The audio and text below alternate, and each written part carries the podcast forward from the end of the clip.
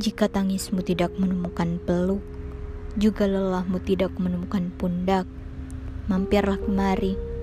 Kamu tidak sendiri, sebab ruang ini bisa kamu jadikan tempat pulang, dan saya kembali lagi menemanimu. Jadi mari kita mulai. Bisa saya tahu sudah sejauh mana kamu melangkah tanpa seseorang yang pernah kamu perjuangkan.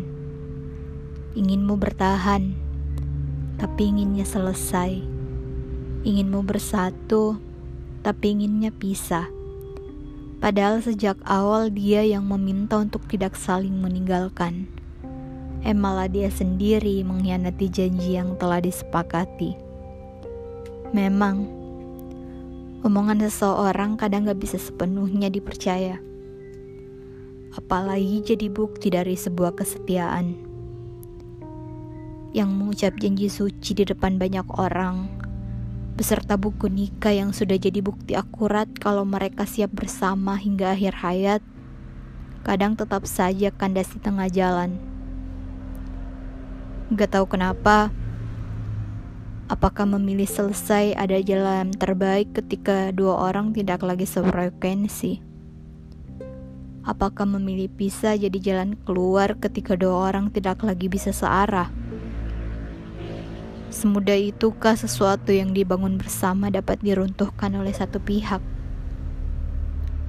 Yang menjadi kenyataan pahit adalah bosan sebagai penyebab utamanya.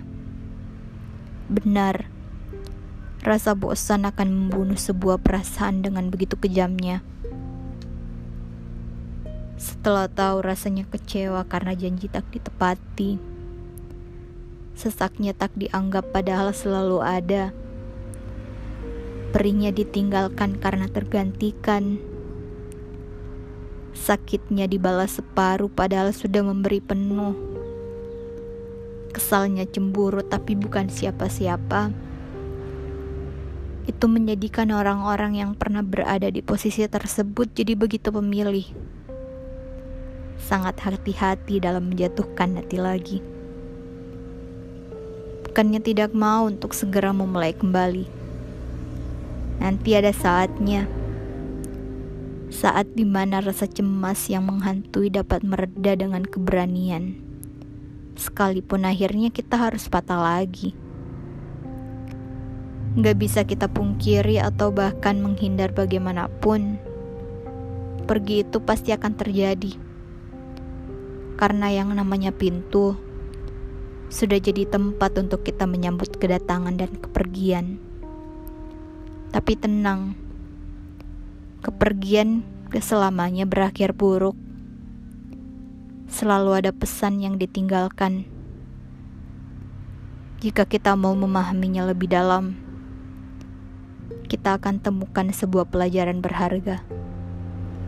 Sampai jumpa di podcast selanjutnya. Salam hangat, Wani. thank you